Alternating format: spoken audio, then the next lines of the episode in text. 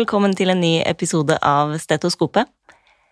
Studier fra USA og Europa viser at jenter kommer stadig tidligere i puberteten, og det er ting som tyder på at det samme er tilfellet for eh, norske ungdommer. Hva skyldes det, og hvilke konsekvenser kan eh, tidlig pubertetsstart få for den det gjelder? Med oss i dag for å snakke om det har vi fått eh, lege og doktorgradsstipendiat Nidni Øve, som er en av forfatterne bak en kronikk om tidlig pubertetsstart som er publisert på tidsskriftet.no. Velkommen hit, Ninni Ømme. Tusen takk. Aller først kan du kanskje fortelle litt om deg selv. Hva er din eh, bakgrunn? Ja, jeg er eh, utdannet lege. Jeg studerte på det Jagellonske universitetet i Krakow og var ferdig der i 2009. Og så fikk jeg turnus på Haukeland, eh, og deretter så jobbet jeg ca. seks måneder på hormonlaboratoriet på Haukeland før jeg startet spesialiseringen min i pediatri fra høsten 2011, og så har jeg vært der siden da. Mm. Eh, og så eh, I 2017 så var jeg så heldig å få et eh, universitet i Bergen-stipend eh, på fire år for å forske og ta en doktorgrad.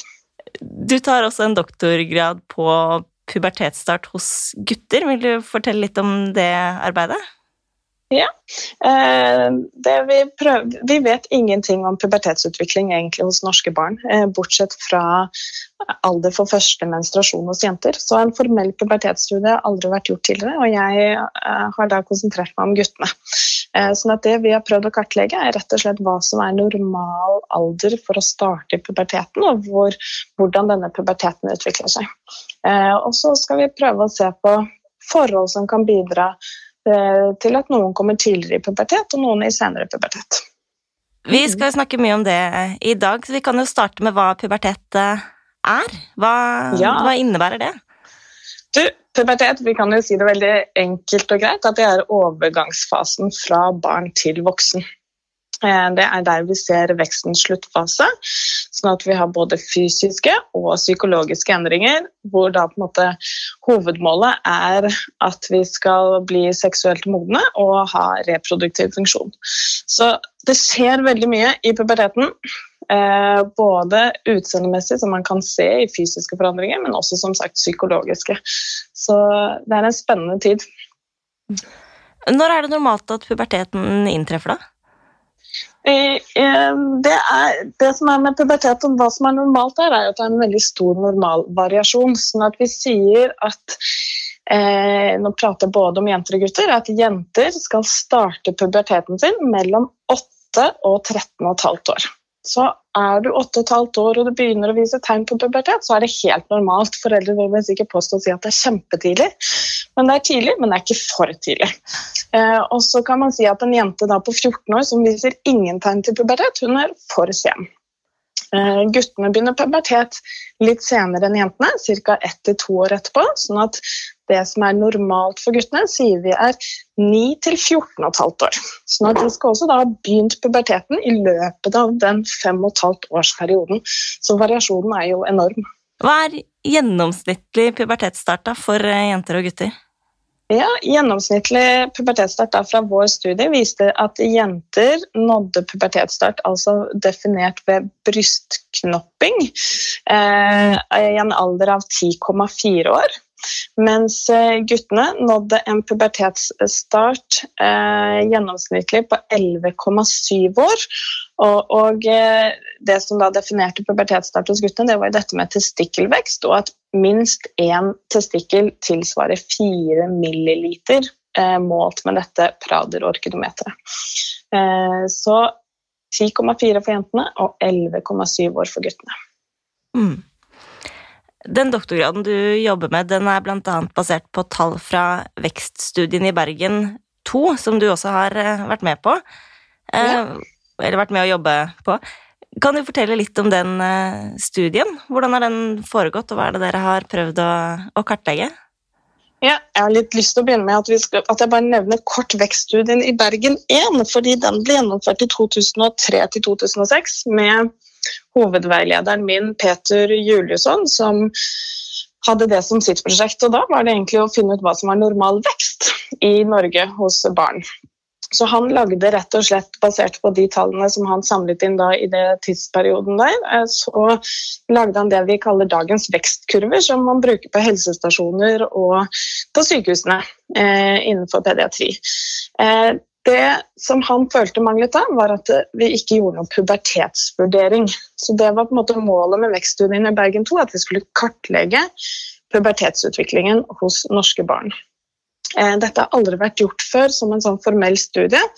Det fins eh, noen enkeltstudier som har spurt jentene om når de fikk sin første menstruasjon.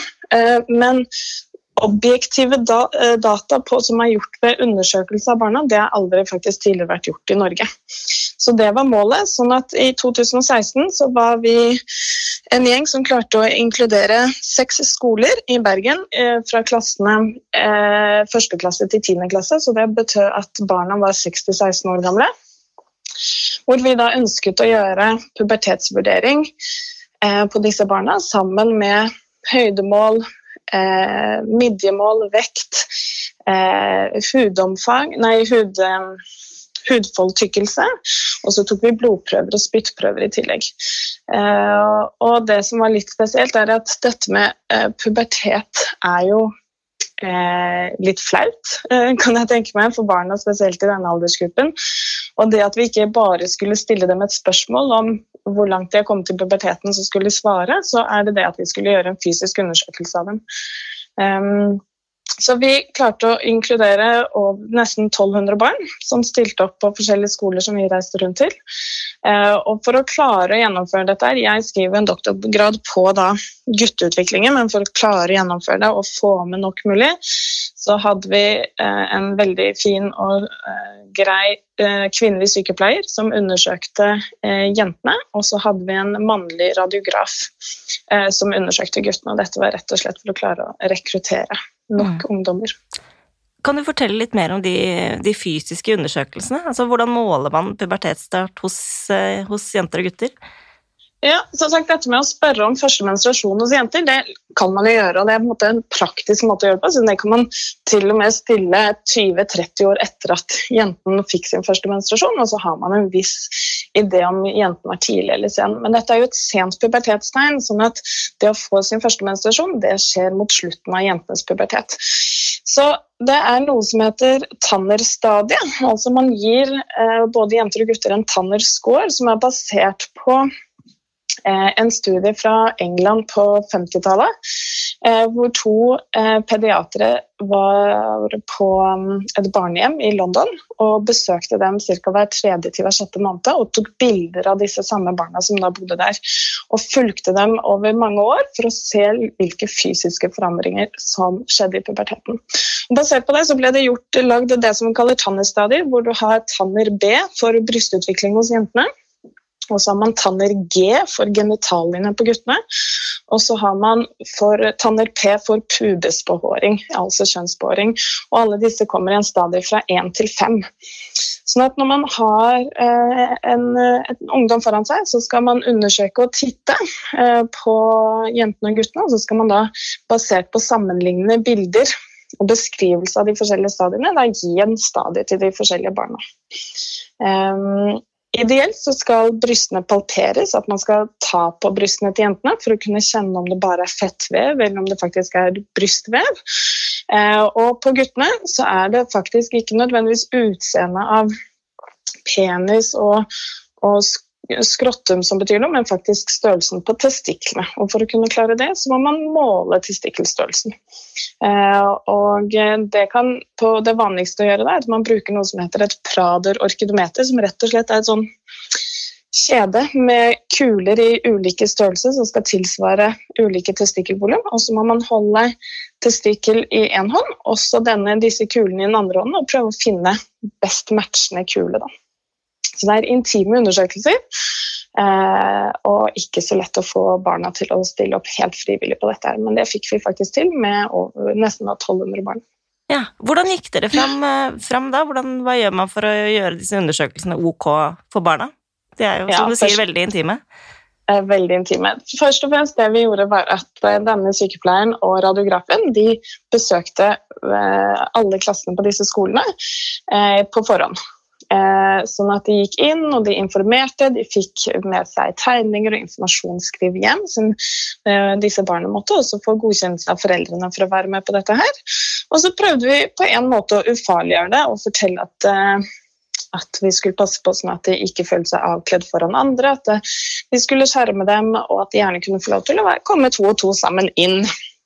Eh, det som også er litt spesielt med vår studie, som skiller seg ut fra andre, fra eh, andre, studier både fra USA og fra Europa, er at vi valgte å, å ikke bare gjøre tannervurdering ved at vi brukte å undersøke med hendene og se, men vi valgte også å ta med å gjøre ultralyd av brystene og ultralyd av testiklene.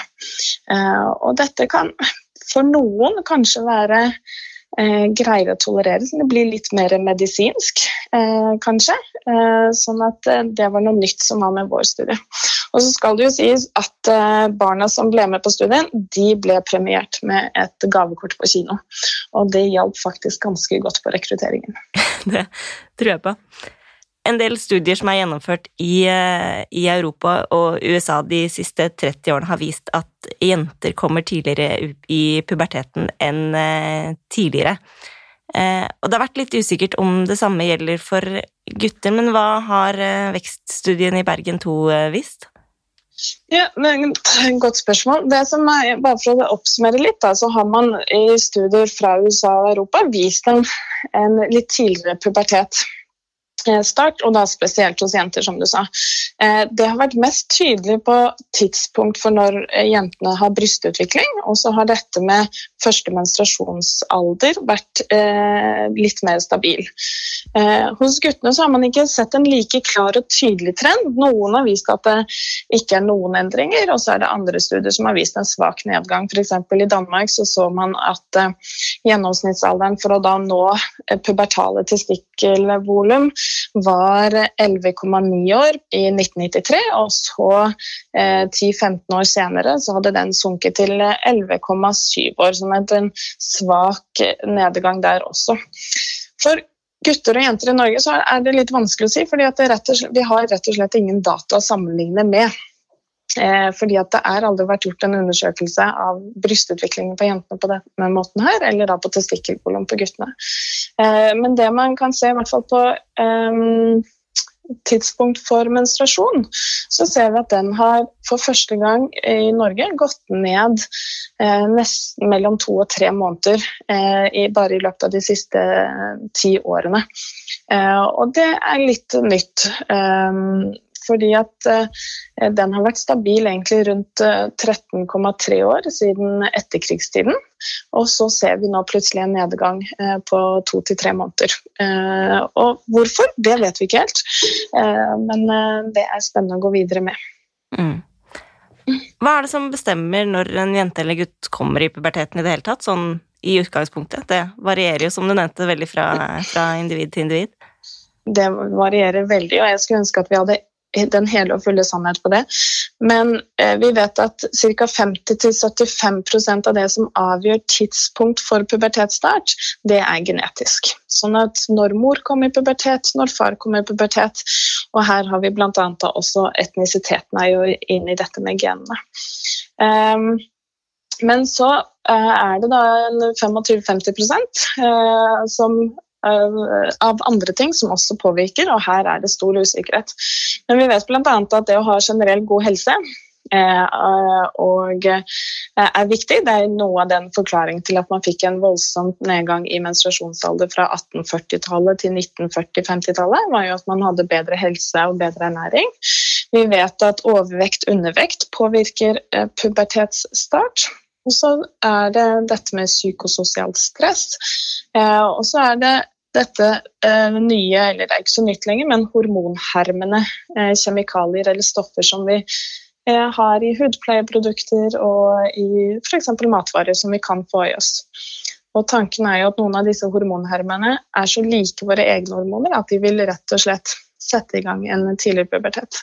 Så det er noen teorier, men hva som er fasiten her, det vet vi ikke.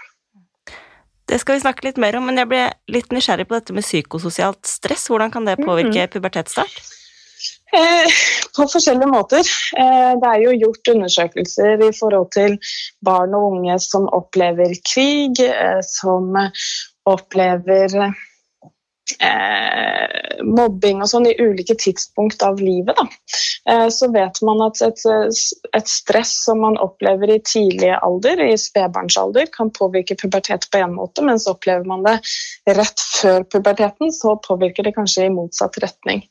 Eh, og Samme har vi også i forhold til dette med ernæring, overvekt og undervekt. Vi ser at barn som er født gjerne litt små for alderen sin, og som kanskje har litt dårlig vekst tidlig i livet, de har en tendens til å komme tidlig i pubertet. Mens har man dårlig vekst og litt underernæring tett opp mot puberteten, så vil den gjerne skje senere. Eh, så det er ikke bare hva slags type stress man blir utsatt for, men det er også tidspunktet for dette stresset. Eh, andre fascinerende studier. Dette er jo mest studier på jenter da, som er gjort på dette her, men da har du adopsjonsjenter, jenter som er adoptert, eh, hvor f.eks. noen studier fra Danmark viser at eh, barn som blir adoptert fra utlandet, ikke bare kommer de tidligere i puberteten enn eh, danskejenter, men de kommer til og med tidligere i puberteten enn jentene fra sitt opprinnelige land.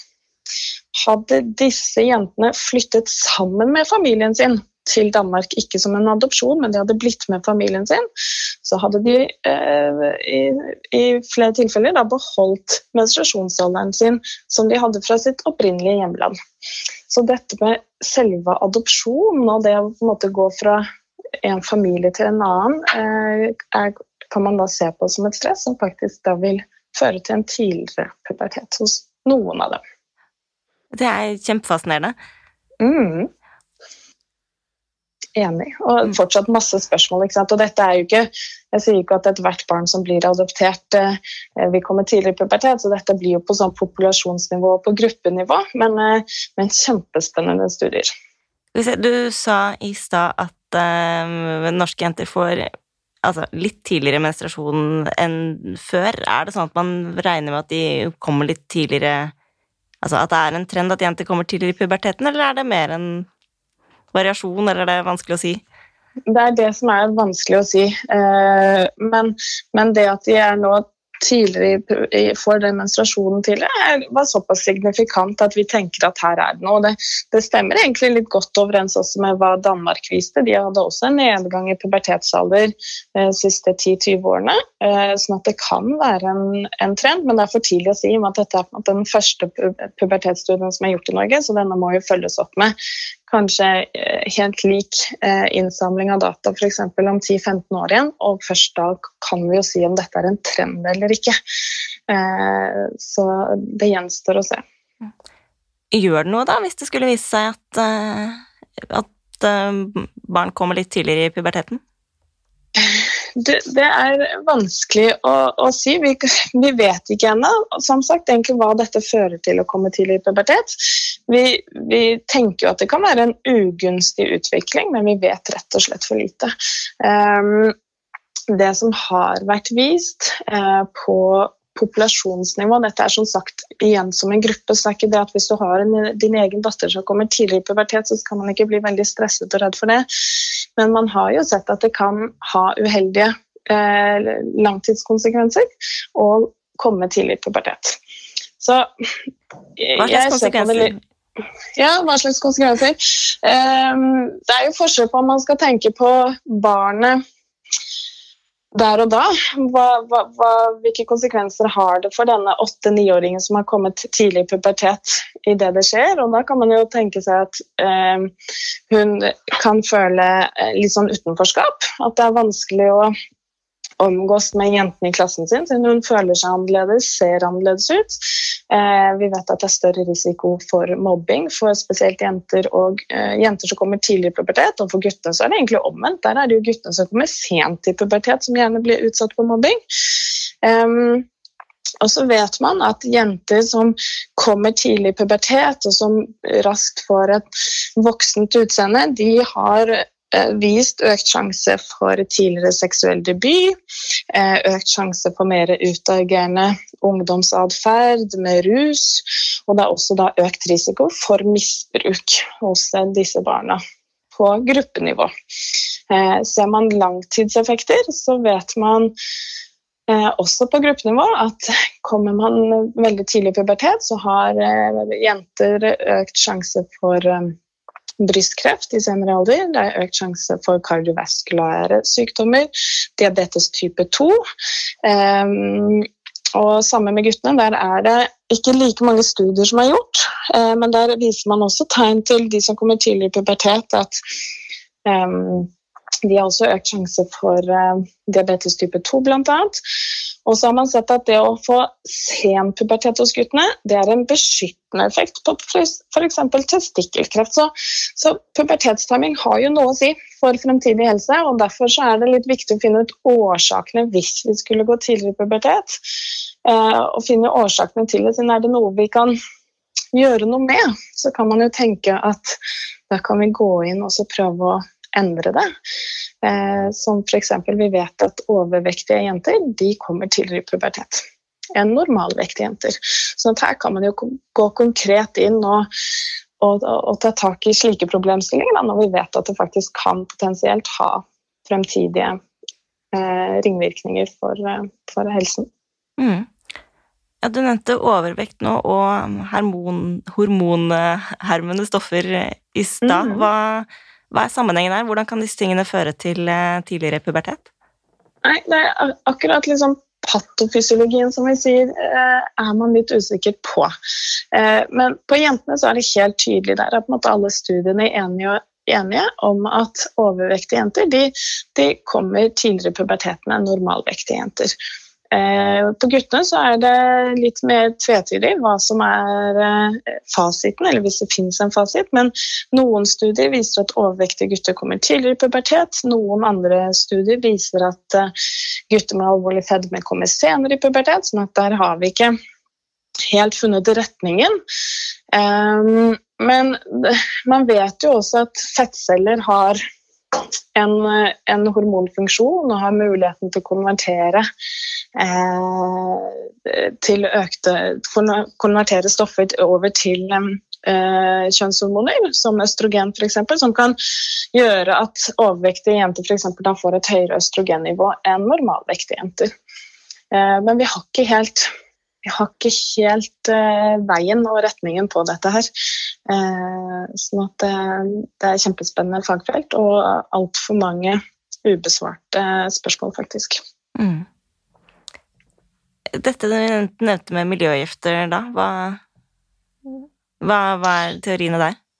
Nei, det, teoriene er mange. Du har jo dette som heter epigenetikk. At vi tenker at hormonhermende stoffer kan gå inn og så på en måte ikke endre genene, men endre funksjonen litt til genene våre. Vi tenker at hormonhermende stoffer kan f.eks. indirekte da, påvirke eh, overvekt og fedme, eh, som da igjen kanskje da vil være den indirekte måten å påvirke eh, pubertetstimingen på. Eh, og så vet vi at noen hormonhermende stoffer har en så eh, konkret og direkte hormonpåvirkning at den kan sette i gang systemer eh, som egentlig ikke skulle vært satt i gang såpass tidlig, da, f.eks. Bortsett fra det vi snakka om nå, går, eh, hvor går veien eh, videre? Hva annet eh, kunne dere tenke dere å se på?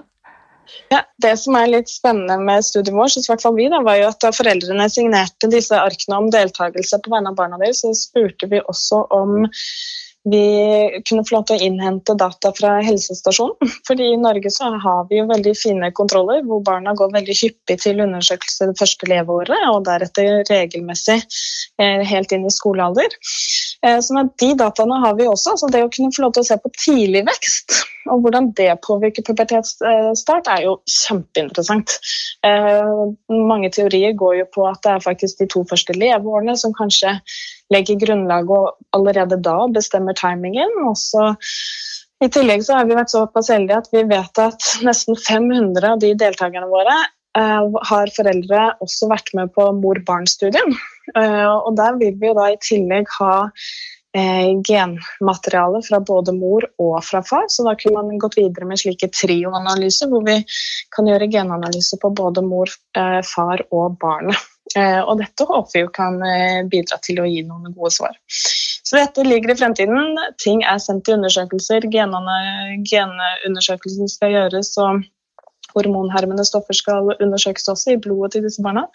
Og så håper vi at eh, det kommer masse spennende resultater i årene fremover, også fra denne vekststudien i Bergen 2. Masse spennende å finne ut av, med andre ord? Ja, absolutt. Tusen takk for at du ble med og snakke med meg, Nini Hjemme. Takk for det. Det var kjempegøy. Hvis du har eh, tilbakemeldinger til oss eller eh, forslag til eh, temaer vi bør ta opp her, så send oss gjerne en mail. Den kan du sende til stetoskopet at tidsskriftet.no. Stetoskopet er tilbake om to uker. Vi høres.